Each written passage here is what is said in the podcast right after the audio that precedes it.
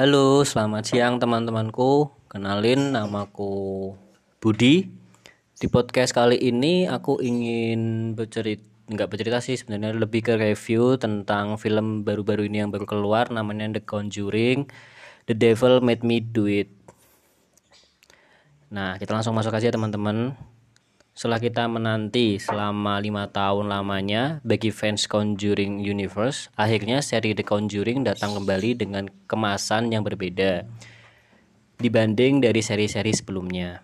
Produser film The Conjuring The Devil Made Me Do It sekarang adalah Michael Caves. Bukan lagi James Wan seperti biasanya, tetapi James Wan tetap berkontribusi di film ini dengan menulis alur cerita bersama David Leslie Johnson McGoldrick.